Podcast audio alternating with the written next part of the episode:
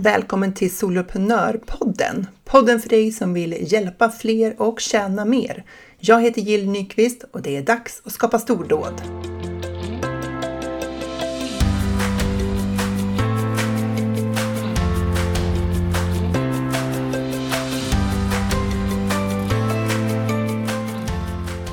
Idag är jag med mig Åsa Sjölander som är företagscoach och konstnär. Kan jag kalla dig det, Åsa? Är du konstnär? Det är jättebra. Varmt välkommen till Soloprenörpodden. Tack snälla. Alltså jag fnissade här därför att jag börjar med ett riktigt ADHD-symptom. Bara, direkt bara avbryter dig. ja, det går bra. ja, tack, vad snällt. ja, men eh, det vi ska prata om idag, det är eh, din företagsresa utifrån att du driver ju som två helt separata spår i ditt företag. Eh, ja, och dessutom så har du ADHD och autism. Mm. Så många spännande saker det finns att prata om, om, om allt det där. Jajamensan. Men börja med att eh, här, presentera dig själv och liksom vad det är för någonting du jobbar med. Ja, eh, jag är Kulla, så jag bor mellan Falun och Hedemora och driver mitt företag i princip hemifrån soffan. Nu har jag hyrt in mig på ett kontor för att jag behövde lite stabilare uppkoppling också. Eh, jag startade som eh, akvarellkonstnär, eller rättare sagt, jag ville utbilda personer i hur man målar akvarell. Så jag började faktiskt mitt företag genom att sälja akvarellkurser på nätet och det var i början av pandemin så jag hade väl lite medfart där. Mm. Och det har gått väldigt bra de här två och ett halvt åren som jag har kört det. Så akvarellkonstnär, det är mitt ena ben och sen har jag det andra benet eftersom det gick så himla bra för mig och eh, kicka igång den här businessen. Jag säljer ju allt på nätet, allt är på distans. Eh, men samtidigt hade jag en inre längtan efter att återgå till, eh, jag arbetade som chef tidigare, hade flera sådana positioner och saknade lite grann det här coachande samtalet. Så jag bestämde mig för att starta upp ett till ben som företagscoach. Så idag hjälper jag andra entreprenörer som vill sälja sina tjänster på sociala medier. Och då är det en kombination, alltså det är framförallt mycket mindset. Du brukar ju säga att det är, driva företag, det är ju personlig utveckling på steroider. Alltså det är verkligen det, alltså jag citerar det där i min Facebookgrupp. Alltså det krävs himla mycket mindset och sen naturligtvis säljet måste också vara med. Det är ungefär som att man måste jobba med båda benen samtidigt och det där fascinerar mig. Ja, verkligen.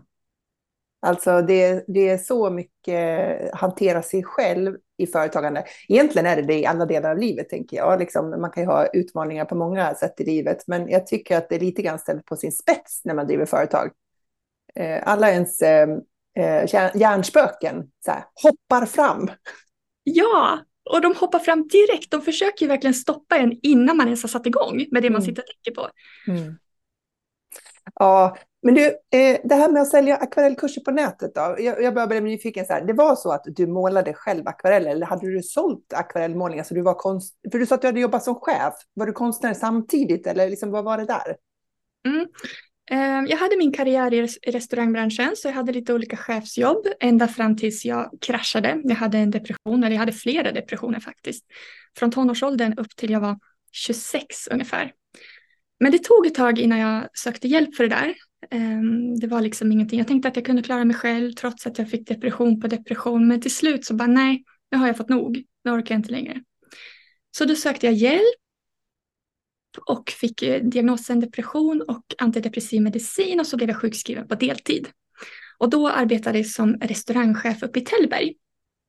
Så, och jag kände liksom att nu har jag lagt ner all min energi på jobbet. Jag hade liksom ingen familj heller utan allt gick åt till att ta hand om kunder. Alltså det är jättekul att jobba i restaurang. Alltså det är så mycket energi, det passar ju verkligen när man har ADHD. Men man är helt jäkla slut på kvällen. Så jag bestämde mig därför att nej, men jag vill göra något för mig själv. Så då började jag måla akvarell för att jag hade tecknat mycket när jag var liten. Mm. Jag tänkte, ja, men jag vill måla och det är något jag orkar med just nu för jag var ju lite trött. Men jag satt ju där uppe i skogen och eh, kunde inte riktigt komma ut på någon kurs. Jag ville heller inte komma ut på någon kurs. Utan jag sökte mig till YouTube och det här var 2017 så det börjar ju bli några år sedan. Mm. Och då hittade jag en kvinna där som heter Anna Hörnfeldt. Hon är svensk akvarellkonstnär och hade lagt ut lite videor på Youtube. Så jag tittade på alla hennes videor, helt fantastiska. Och började liksom, nej, men satt hemma och målade där. Och sen bara eh, någon sån här ingivelse, men jag vill dokumentera min egen resa. Jag har inte så mycket att göra just nu. Så jag började också lägga upp video på Youtube. Och då i början var det mest sporadiskt för att jag ville dokumentera min egen resa. Men runt, vad kan det ha varit då? Nu är det 23, 2019 kanske. Då bestämde jag mig för att jag, från och med nu så ska jag lägga upp en video i veckan framöver. Och jag hade liksom en plan att jag skulle starta eget men jag visste inte riktigt vad jag skulle göra. Men jag tänkte att det här kan jag. Om jag börjar liksom få ut mitt namn redan nu, trots att jag inte liksom har någon konkret plan, så kanske det kommer gynna mig sen, vilket jag också gjorde. Jag tror att det var ett år innan jag började sälja kurser. Så den processen, alltså med facit i hand, jag visste inte vad jag höll på med, men det har gynnat mig otroligt mycket att jag la ut alla de här, allt det gratismaterialet det fanns ju då kanske 50-60 videor där de kunde se, ja men jag visar hur man målar helt enkelt. Ja. Sen sa jag upp mig och eh, det tog, alltså jag drog fötterna efter mig sex månader. Jag kom inte igång. Eh, det var inte förrän jag Alltså jag visste att jag hade en tjänst som jag kunde sälja för mina kunder eller mina följare. De hade frågat mig rakt ut. Har du en akvarellkurs som jag kan gå? Det, bara, ja. det är guld! Det är då man liksom vet att man kan sälja. Men alltså jag var, kanske inte ska kalla mig lat. Alltså det är ju alltså, symptom för mina diagnoser att jag har svårt att komma igång. Det var också första gången jag startade företag och eh, gick från en anställning till att plötsligt ska jag börja prestera på egen hand. Mm. Um, så jag försökte bygga en kurs, försökte skapa den om och om igen men det hände ingenting. Till slut så bara nej, nu säljer jag det utan att skapa kursen. Och det var ju då det blev gjort. Så jag sålde fyra platser första gången. Ja, så då skapade du bara ett, eh, liksom, ett erbjudande om en kurs? Exakt, jag gjorde jag skickade ut till min mejllista på 14 personer. Och så gjorde jag någon alltså, jätteful annons som jag tror inte att någon såg den. Men och så hade jag ju YouTube då, där jag berättade att ja, här finns en en kurs. Hur, hur många för, du hade 14 personer på e-postlistan, men hur många hade du på YouTube då, som följare? Du, det får jag nog kolla upp, jag minns inte riktigt. Jag har, I dagsläget har jag 5 500 men då var det, kan det varit 800 till 1000 personer kanske? Ja, precis. Det var i alla fall fler än 14. Det var fler än 14, absolut. Okej, så att du, du tänkte att du skulle sätta lite press på dig själv genom att helt enkelt sälja kursen först, så att då skulle du bli väldigt motiverad och skapa den sen. Hotiverad. Ja, motiverad. ja, det var ju, jag vet inte om jag kan rekommendera det eller inte, det var ju jättetufft. Alltså man ska spela in, alltså det jag gjorde, jag sålde kursen och det skulle ingå tio lektioner under fem veckor. Jag skulle alltså producera två lektioner i veckan. Mm. Och att spela in när man målar akvarell som kräver torktid och det ska vara dagsljus och gud vet vad. Det tog ju jättelång tid per avsnitt. Ja. jag gjorde det liksom samma dag så det tog åtta timmar tror jag att spela in ett avsnitt. Och jag var ju helt död efteråt men det blev ju gjort. Okej. Okay. Ja, ja. ja, så vad hände efter det då? Ja, alltså jag, när jag såg att de var intresserade, jag fick bra feedback så la jag ut nästa omgång direkt. Så jag tror jag sålde den två eller tre månader efter. Mm. Och då hade jag tolv deltagare och sen blev det bara liksom exponentiellt. Det bara blev fler och fler? Ja. Så. Men du, hur, hur, när du skulle sälja den där första gången innan den var skapad, hur sålde du det rent praktiskt? Hur, hur gjorde du för att ta emot betalningar? Hade du en kursportal då eller gjorde du på något annat sätt? Jag hade Vix som hemsida. Ja. Så det, jo, för att spara tid så gjorde jag så här att jag skickade ut lektionerna på mail faktiskt. Jag hade YouTube, så jag la upp mm. lektionerna där som unlisted. Och mm. så gjorde jag pdf med lite länkar och sådär. Tänkte jag, okej, okay, om jag ska få ut det här, då ska jag göra det på enklast möjliga sätt. Mm. Jag skickade ut på mail, jag sålde kurserna i en webbshop på Wix. Ja. Så jag sålde en, alltså en digital produkt där de fick en pdf med välkomstbrev och allt sånt ja. där. Så gjorde jag första gången. Nu nu har jag en eh, plattform. Vilken använder du då? Jag använder Zenler, precis som du. Ja, Jag Okej. valde att följa ditt exempel. Ja, du gjorde det. Har du hemsidan där också nu då, eller? Där har du Eh, Vix kvar? Jag har Vix kvar Mm. också, så jag står med två hemsidor faktiskt både på konstnären Åsa Sjölander och framgångscoachen. Just det. Eh, vi ska komma till framgångscoachen också. Men då, ehm, då började du som enklast möjliga där med att Mm. liksom skapa en webbshop, för det var det enklaste sättet du kom på att göra själva sälj, liksom kassan och allt det där. Yes. Eh, ja, och sen eh, mejlar du ut kursen. Ja. Mm. Och du var ju van med att skapa filmer eftersom du hade gjort så många YouTube-filmer innan. Ja. Mm. Det är ganska bra. Men alltså det som händer när man skickar så där mycket mejl, det var ju att efter ett tag så började jag hamna i spam. Ja.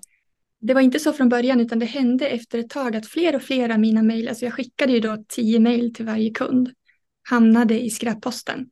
Mhm. Och sen, ja, det känns ju inte helt professionellt heller. Nej. Så det var då, då Men jag det var var, ju ett första, första omgång. Men du gick du över på Sendler direkt eh, efter det eller vad, hade du någonting emellan? jag gick över direkt. Ja, jag testade ett par andra också som jag inte var nöjd med. Mm. Gjorde jag. Alltså, de jag testade var jättelätt för mig som kreatör att skapa hemsidan, skapa innehåll och sådär. Men upplevelsen för kunden var inte jättebra. Det tycker jag är suveränt i Sender. Okej. Mm. Ja, så där, då, och vilket år är vi på nu? 2019 sa du att du hade börjat ladda upp en video per vecka. Men vilket år var det du sålde de här första? Var det 2020 då, pandemin där? Måste räkna. Det var två år sedan. Slutet av 21 blir det. Ja. Slutet av 21, ja. Och vad har hänt sedan dess då? Hur jobbar du med det benet av ditt företag idag? Sen dess har jag förenklat och eh, automatiserat. Jaha, Sparat tid ja, det är bra. och slipa marknadsföringen såklart. Ja. Mm. Så hur, hur jobbar du med liksom, marknadsföringen och kurserna nu då? I, Mm. Ehm, Jag har lagt min marknadsföring faktiskt till en Facebookgrupp och det är en ganska intressant historia som man kanske kan ta en liten lärdom av. Mhm. Jag, gick en, jag marknadsförde under ett, ett och ett halvt år därefter YouTube via Instagram istället. Jag älskar Instagram som plattform. Mm. Passar bra när man målar för att det är ju visuellt. Eh, kan varmt rekommendera Pinterest också. Där har Ja. jag visningar av alla plattformar. Men det som hände i, vid årsskiftet här, ja det är ju snart ett år sedan, jag gick viral för att jag gjorde några reels som var riktigt, riktigt bra. Så den gick viral på TikTok, på Instagram och Pinterest. Jag tror den har så här 11 miljoner visningar eller sådär sjukt. Ah! Ja, helt galet. Ehm, och då hade jag 3000 följare på Instagram. Svenska följare. Och några veckor senare så hade jag plötsligt 33 000 följare. Oj, Var från Amerika. Och då hamnade jag faktiskt i en identitetskris. För att herregud, hur ska jag kunna ta hand om alla de här? Så jag började prata engelska och jag började köra livesändningar på engelska. ja. Ja, men jag måste göra kurser på engelska också. Och så började jag jobba med det där. Och sen, som tur var, så min coach, hon liksom såg mig när jag höll på med det. Och så var, vill du verkligen det här? Och jag, "Mm, nej. Det vill jag nog faktiskt inte. För att ska man gå ut på en annan marknad, alltså det är en helt annan kultur.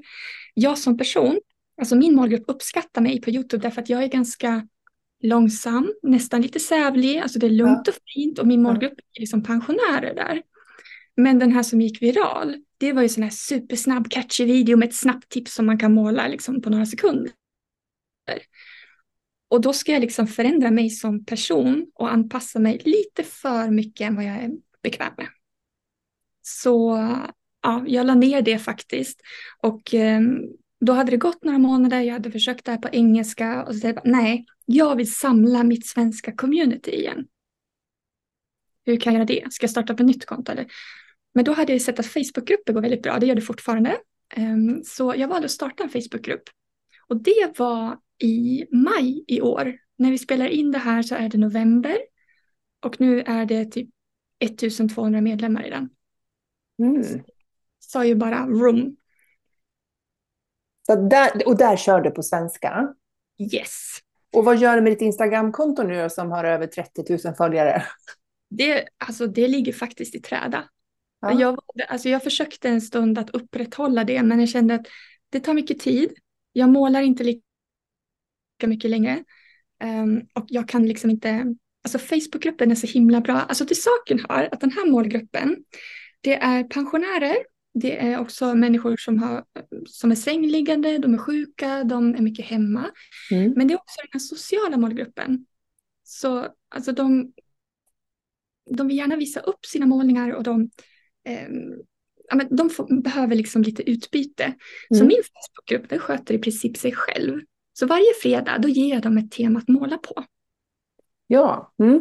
Det dyker upp så 200 inlägg varje vecka. Så att då publicerar de sina målningar på det temat veckan efter då? Exakt. Ja.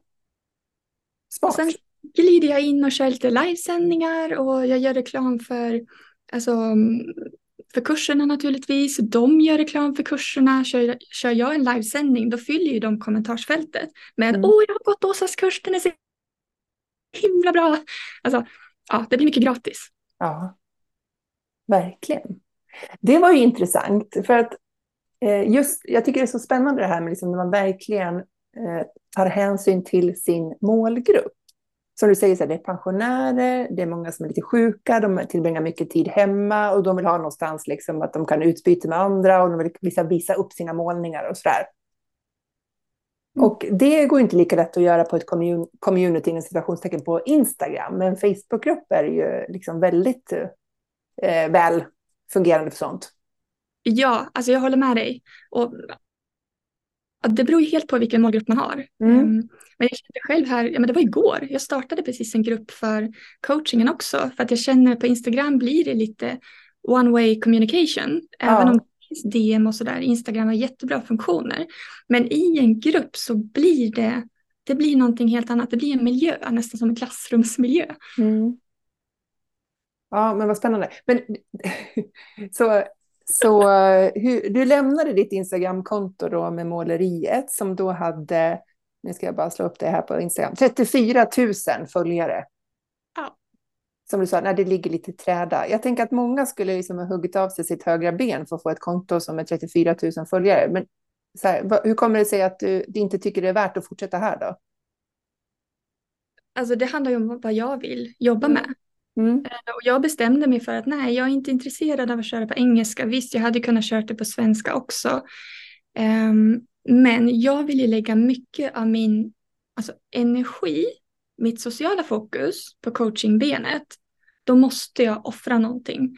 Och jag har kommit så pass långt i mitt företagande att jag kan, när jag prioriterar bort saker för att frigöra tid, mm. då blir det ofta saker som kanske är roliga också, som mm. ryker. Just det. Mm. Så beslutet var ju liksom inte över en dag, utan det tog ju några månader. Ja, ja men nu har du fattat det i alla fall. Eh, men, men, men, du lägger upp eh, fortsatt eh, exempel på målningar du har gjort, eller? Jag sitter här och scrollar lite nu på din feed. Då, eller publicerar du ingenting nu? Då och då dyker det upp. Jag brukar lägga upp i, på Facebook page. Men alltså det är i gruppen som det är action, så där lägger jag upp annonserar jag så ser ju personer annonsen och klickar sig in i gruppen och blir medlem där. Ja, så att du, du kan man säga att gruppen är som din freebie, liksom att det är där du lockar in dem? Eller har du, no har du sådana också som du tar in dem på e-postlistan? Mm, eh, jag sänder också webbinar då och då. Ja. Och det funkar ju suveränt. Ja, jag kan tänka mig det. Så visuellt det du håller på med såklart. Ja, och just webbinar är så otroligt, eh, det sparar ju mycket tid. Jämför med att hålla på och, för det första ska jag stå i ateljén och producera. Och sen ska jag ta bilder och lägga ut på Instagram eller ska mm. jag göra texter till Facebook. Istället för att göra ett webbinar, sätta ut en annons. Det tar mig, kan det ta max tre timmar att göra i ordning det och sen sända det. Ja. ja. Men, kör du det live då eller? Ja, kör... jag älskar att köra live. Ja. Så webbinar, är det, är det där du säljer eller menar du att du bygger e-postlista via det? Mm, jag säljer både via webbinar och e-postlista. Mm. Och du körde e-postmarknadsföringen genom Sender? Ja. ja du har, inget koppla, har inte kopplat ihop det med något annat e-postsystem? Nej, jag provade några andra men jag tycker faktiskt att Sender funkar bra. Mm. Så, och eh, du fyller upp dina webbinar då genom personer från Facebookgruppen eller från annonser eller både och? Mm, eh, det, det är framförallt via annonser, men också via Facebookgruppen. Sen, sen har jag alltså mina, mina kunder, de är så himla roliga. Det finns de som hänger med på alla webbinar, trots att det är samma webbinar. Ja, alltså de är med varje gång för att de älskar att sitta och lyssna på mig och den här lilla gemenskapen och Ja. köper liksom alla kurser. Det är en tjej som alltid frågar Åsa, har du någon kurs som jag kan gå? Nej, tyvärr du, du har nog redan gått alla kurserna. och då har, liksom, ja, har jag haft fem, sex olika digitala kurser. ja, hon har gått alla. Ja. Ett riktigt superfan. Ja, eh, jag har några sådana. Mm. Mm. Vad roligt. Hur många, hur många kurser har du som sålt? Alltså, så här, hur många deltagare har du haft? Har du räknat ihop det någon gång? Ja, det är nästan 500. 500 kursplatser som du har sålt Ja. på de här kurserna. Ja. Exakt. Och de flesta har jag sålt i år. För, eller inte, inte de flesta, men ökningen har varit mest i år. Trots Ja. att jag har chillat med marknadsföringen ja. så har den ökat snabbt därför att jag la till webbinar i år. Aha, du sålde inte med webbinar innan?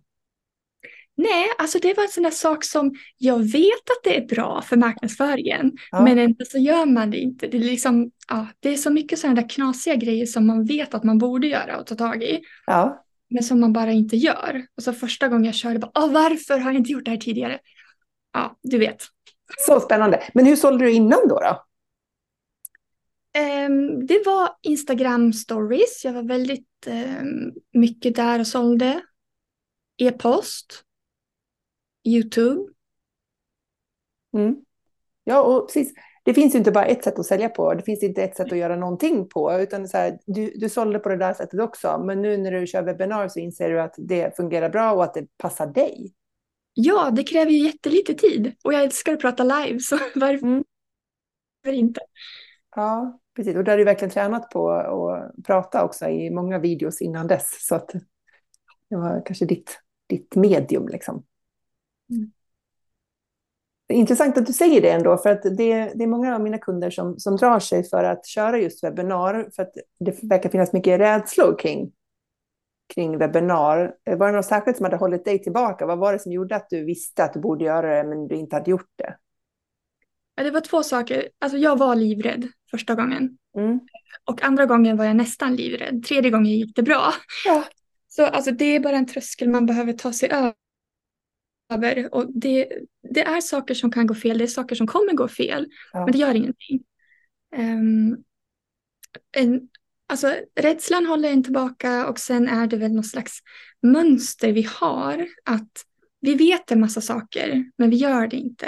Mm. Och när man sätter sig ner. Om man har ett problem till exempel. Jag säljer för få platser. Okej, om jag skulle vara min egen coach. Eller om jag hade en proffsig marknadsförare med, sig, med mig här i rummet. Vad skulle hon säga åt mig att göra? Hon skulle göra det här, det här, det här, det här. Okej, vad av det här har jag faktiskt gjort? Mm, typ ingenting.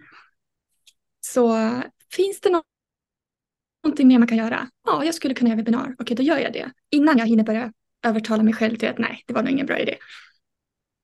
Precis, och, alltså, det finns ju många rädslor liksom, kring webbinarier som, som antingen så här, är tekniken man är osäker på, kommer den fungera? Eller så är det säljet, eller så är det så här, pitchen, eller så vill man inte ge för lite för att folk ska bli arga, eller så vill man inte ge för mycket för att tar för lång tid. Och, liksom, det finns mycket man kan eh, uppehålla oss, sig kring när det gäller just att sätta ihop ett webbinar och oroa sig kring att det kan bli knas. Ja. Men alltså jag säger så här, jag la upp ett webbinar faktiskt senast idag. Ja. Där registreringen inte funkade. Så jag var tvungen att liksom byta eh, till en annan plattform. Och sen felanmälde jag det och de löste det men då bytte jag inte tillbaka. Alltså ja, sånt händer. Men du är en människa, du är kapabel att faktiskt lösa dina problem när de uppstår. Det finns ingen poäng med att oroa sig i förväg. Det vet jag. Eller jag vet att det är svårt att liksom ta in det. Men ja, det var väldigt stressigt när jag insåg att registreringen inte funkade när jag var tvungen att byta. Men ska jag liksom ha, känna samma stress redan i förväg? Det är ju liksom dubbelpress. Mm. Verkligen. Så det är en mindset-grej. Definitivt. Och jag tror också att man, man behöver ju, alltså om vi tar ett webbinar som exempel då, man behöver ju ha stött på att man har kommit till ett problem. Jag har också haft jättemycket problem med alla, alla sådana här live-grejer, så har det hänt någonting någon gång. Liksom sådär. Och då behöver man ju ha den där upplevelsen av att jag löste det. Ja. Här, för att då, då kommer de, det kommer man ju ha med sig framåt då. Men om man aldrig kommer dit till att jag löste det, då är det ju bara ett hjärnspöke som tar ut alla sorger i förskott. Och, och, och, man får aldrig upplevelsen av att man, att man kunde hantera det. Mm. Så. Nu är du inne på något väldigt viktigt. Jag pratade med min, med min väninna om det där idag. Att vi kan liksom inte sopa banan helt och serva våra kunder. Även om jag hjälper mina med marknadsföring. Alltså gör det här så slipper du det där, gör det där så slipper du det här. Alltså det som du säger, man måste nästan stöta på problemet, lösa det själv och få liksom större självförtroende. Ja. För många gånger så skapar vi oss vårt självförtroende utifrån historiska händelser. Det vill säga så här, man, man tittar tillbaka och ser vad man kunde lösa och så bygger man sitt självförtroende utifrån det. Det är mm. ibland lite synd, för att det ofta så har man inte självförtroende då i de nya sakerna, för man har inget bevis på att man har klarat av det, och så, så famlar man då för att man inte har de där bevisen. Istället för att bygga sitt självförtroende på att jag har förmåga att lösa det jag behöver lösa.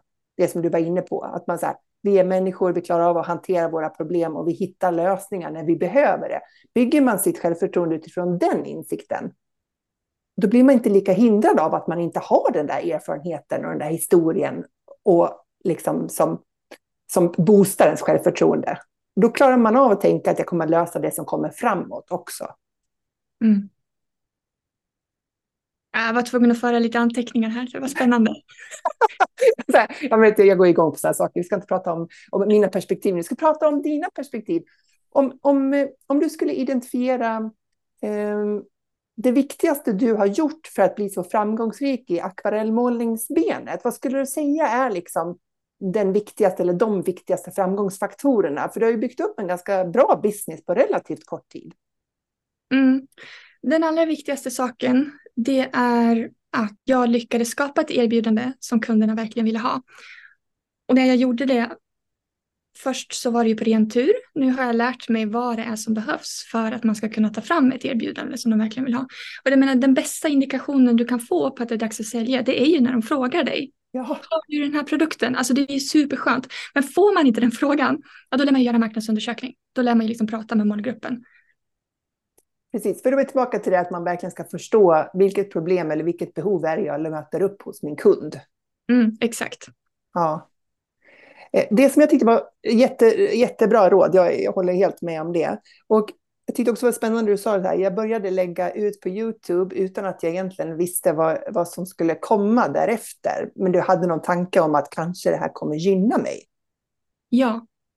Och det, alltså- det är ju spännande tycker jag, för jag tänker att det är många som, som också, eh, ett hinder för dem, det är att eftersom jag inte vet hur jag ska ha det framåt, så innan jag har bestämt det då, så vill jag inte heller göra det här som idag. Utan då väntar jag med det som jag kan göra idag tills jag har hela strategin klar för mig och den klarheten så att jag vågar börja idag. Men du, du vände på det där.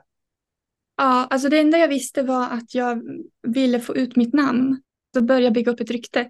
Och ja, det är jättebra om man kan bygga ett rykte utifrån den nischen man ska ha.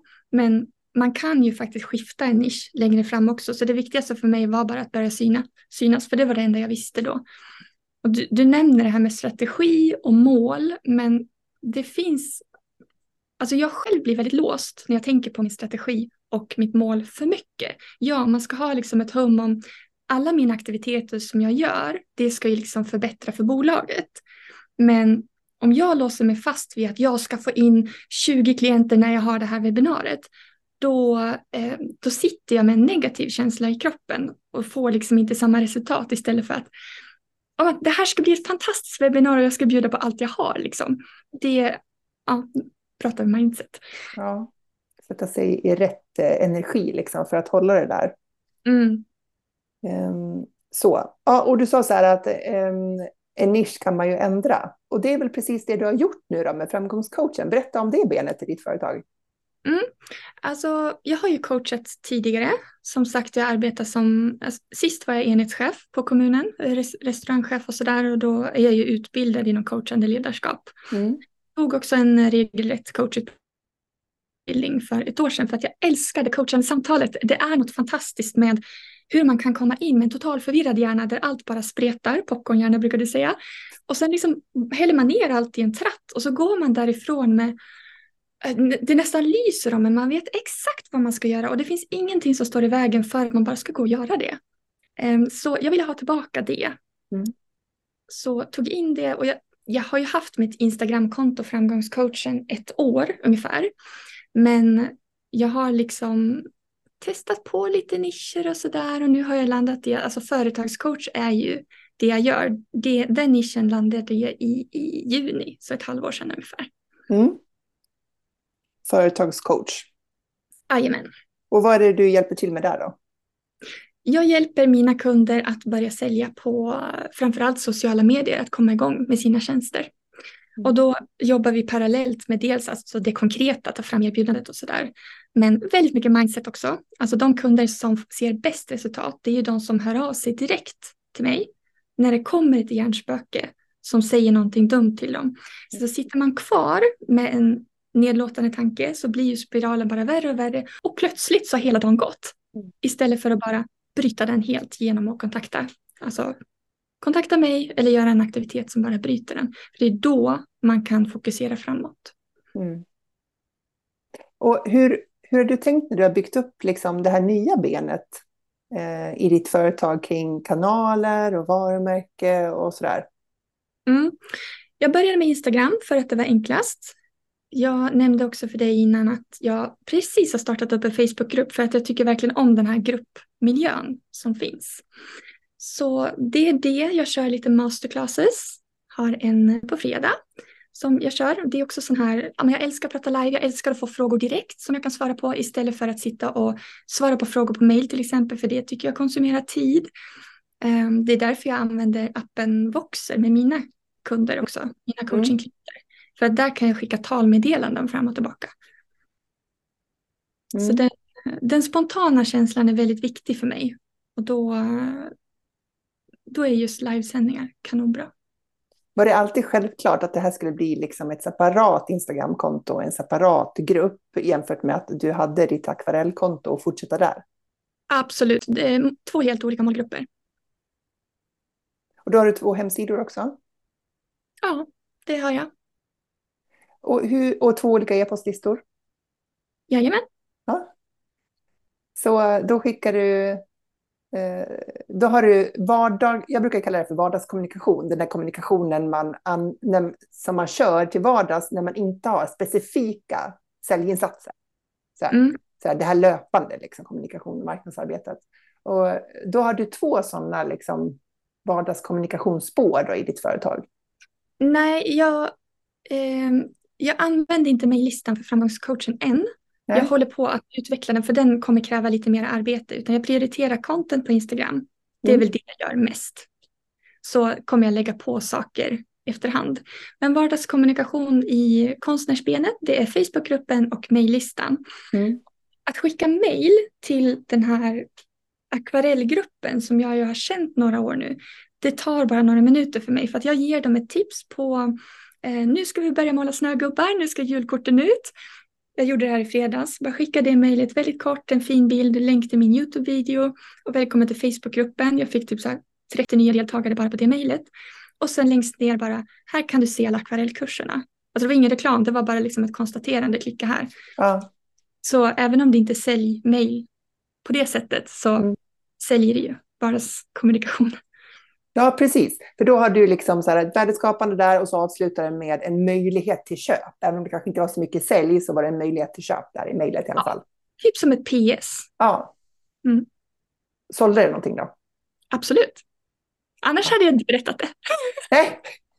jag tänkte jag skulle komma med goda exempel här. Alltså det, ja. finns, de, det handlar ju också lite grann vad man vänjer dem vid. Min äh, akvarellgrupp har jag vant vid att de i varje mejl ska kunna klicka på någonting.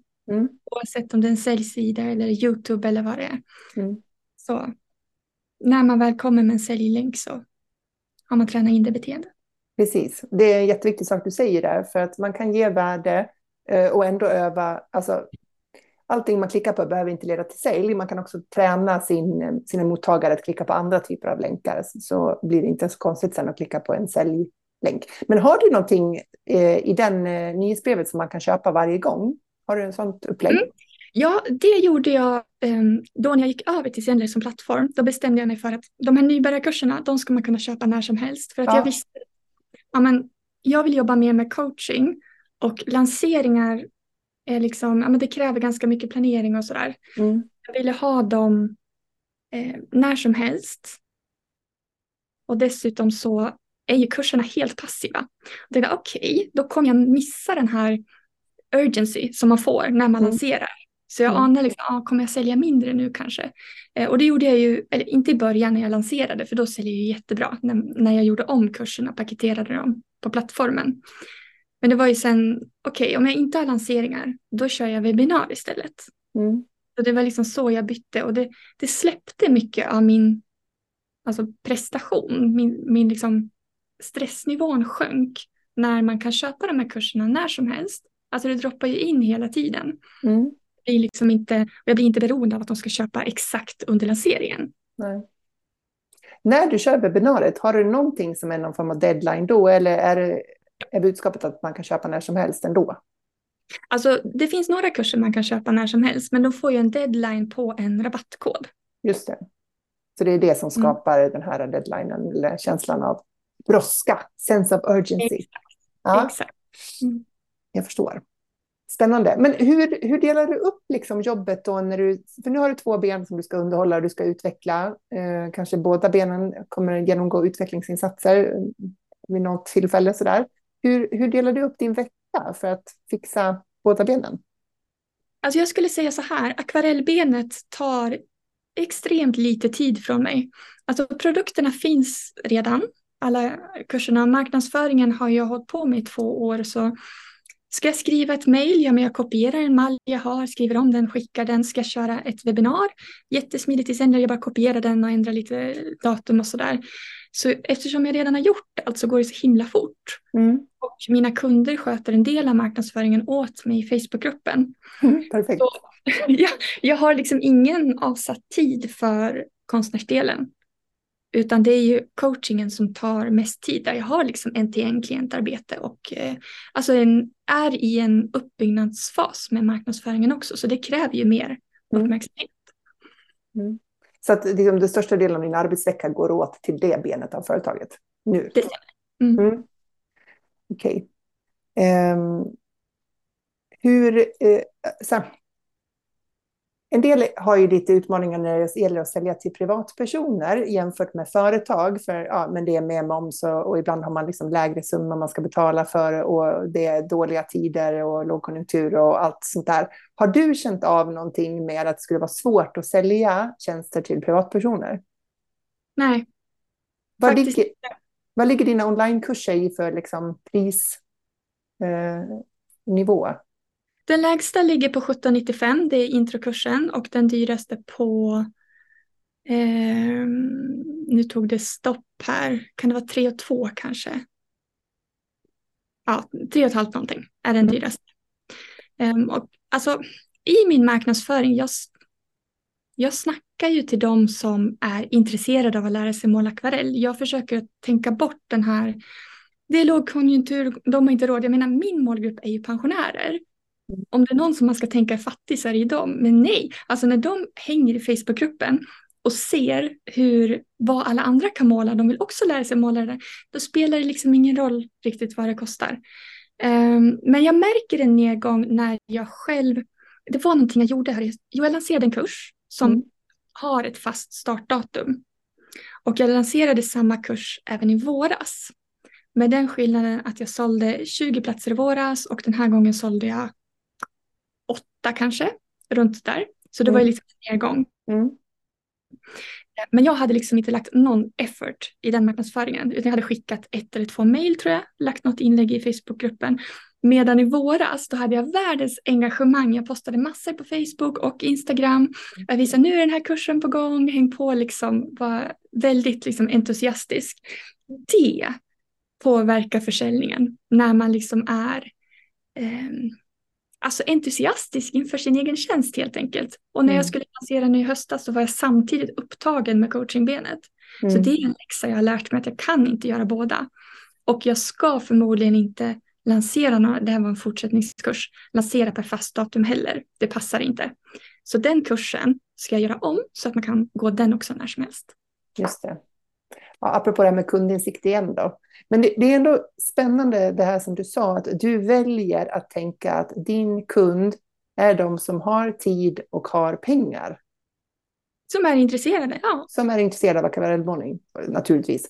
Ja. Eh, så, eh, för att jag tänker att det, man hade kunnat fastnat i liksom sådana här orostankar kring, kring att det är inte rätt tid nu, det är inte rätt marknad, eller nu är det jul, eller nu är det sommar, eller nu är det... Vi har en massa förklaringsmodeller till varför det blir svårt att sälja. Mm. Eh, som, jag menar, vi har den situation vi har i världen och i Sverige och, så, och det är vad det är, men det är intressant att höra eh, att ja, ditt förhållningssätt till, till det. Mm. För allting är på något vis samt, samtidigt. Det finns de som har det otroligt magert och svårt och inte har utrymme att köpa något, det lilla extra. Eh, men du, du har helt enkelt, här, dina kunder, det är de som vill lära sig akvarellmålning och är beredda att, att investera i det då. Ja men absolut, jag menar 1795 är ingenting för den maffiakursen som man får liksom behålla så länge man vill. Mm. Eh, ja. Sen finns det en tendens om man startar ett företag och ska sälja sin första tjänst att man blir orolig därför att nej men, ingen ska väl, inte vill någon ha det här. Mm. Därför att man utgår från sig själv. För att jag själv kan ju redan måla akvarell. Det är väl självklart att jag inte skulle köpa den kursen. Ja. Och jag kanske inte köper exakt min coaching för att jag behöver en annan typ av coaching. Så mm. man måste hela tiden tänka utifrån målgruppen. Mm. Ja, vi kommer tillbaka till det. Ja, det, det är verkligen där grunden ligger. Liksom. Att, eh, att man måste se så här, vilket problem är det jag löser för vem? Ja. Så det verkar ju du verkligen ha hittat. Mm. Så vad är, vad är planen för ditt företagande framåt nu då? Ja, det jag lägger mycket energi på det är att utveckla min coachingverksamhet. Mm. Så um, jag har ju haft framförallt en-till-en-klienter. Jag bygger upp gruppcoaching just nu. Så det är min plan. Men du kommer fortsätta att behålla akvarellspåret, eller? Just nu, ja. ja. Kommer jag Just nu, men det kanske inte är givet på framtiden. Det får vi se. Ja. Det beror, alltså, som jag sa, det här med engagemang. Om jag är 100% engagerad i coachingen och inte i akvarellmåleriet, mm, då får vi se vad som händer. Mm. Det, alltså jag älskar att måla, men ibland måste man välja. Precis. Och det är väl ofta det som jag möter bland de kunder som jag eh, hjälper som också har två spår, att man ofta känner att det ena spåret blir lidande till förmån för det andra i perioder.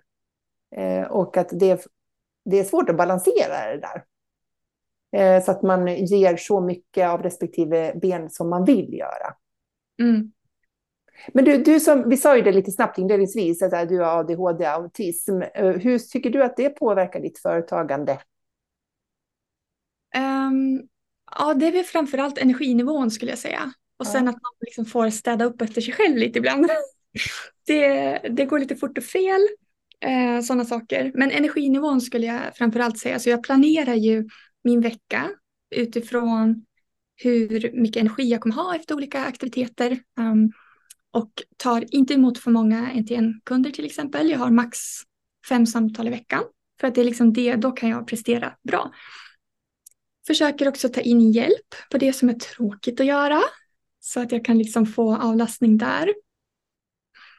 Um, och som sagt, fort och fel, alltså får jag en idé så kör jag på den. Och det är ofta att jag liksom glömmer inställningar eller skriver fel någonstans. Men jag har inget emot att städa upp det. Hellre det, att det blir fort och fel, än att det inte blir gjort, skulle jag säga. Mm. Um, ja, glömmer att ta pauser och sådär. Men det, det tar jag med mina klienter ibland. Nu måste jag ställa klockan för annars kommer jag fortsätta babbla. Liksom. Det, ja. Samma sak. Ja, man gäller, det gäller att hitta sina strategier för att hjälpa sig själv utifrån så som man är. Liksom. Styrkor och svagheter har vi alla. Ja, det spelar ingen roll om man har diagnos eller inte. Alltså, personligheten kommer ju först. Mm. Det, ja, det är jätteviktigt att man går igenom sig själv och alltså, skapar en arbetsvardag som man trivs med. Mm. Mm. Om eh, du skulle få ge ett råd till de som lyssnar nu, som sitter här med två delar av sitt företag, eller två ben, två målgrupper, två erbjudanden. Eh, vad skulle det vara då? för att de ska få det här att funka? Jag skulle göra upp med mig själv hur mycket tid, hur mycket energi jag är beredd att lägga på de olika benen och bara liksom ha det klart. Mm. Och är det så att du vill lägga lite mindre tid på ett ben, då vet du antagligen vad du behöver göra för att liksom förenkla den processen. Så skulle jag tänka. Mm. Det, energin är ju det vi behöver ha med oss hela mm. vägen. Precis, något direkt ta in till både och. Du, vad spännande det var att prata med dig. Tiden går jättefort. Om man nu blir inspirerad och vill veta lite mer eh, om dig och hänga med dig, var, vill, var tittar man dig då? Mm. Alltså jag brukar säga att det enklaste är att googla på Åsa Sjölander så hamnar jag högst upp. Men då kan det vara akvarellvideor du hittar. Så är det mer coachingbiten, ja, då är det framgångscoachen som du söker på. Som på, på Google eller på Instagram eller både och kanske? Ja, både och. Både och. Mm, Tusen också. tack Åsa för att du var med här och delade med dig av alla dina erfarenheter kring det. Superspännande att höra. Tack själv, det var kul att sitta och snacka lite. Så hoppas att du som lyssnar kan fundera på hur det här kan hjälpa dig att skapa dina stordåd.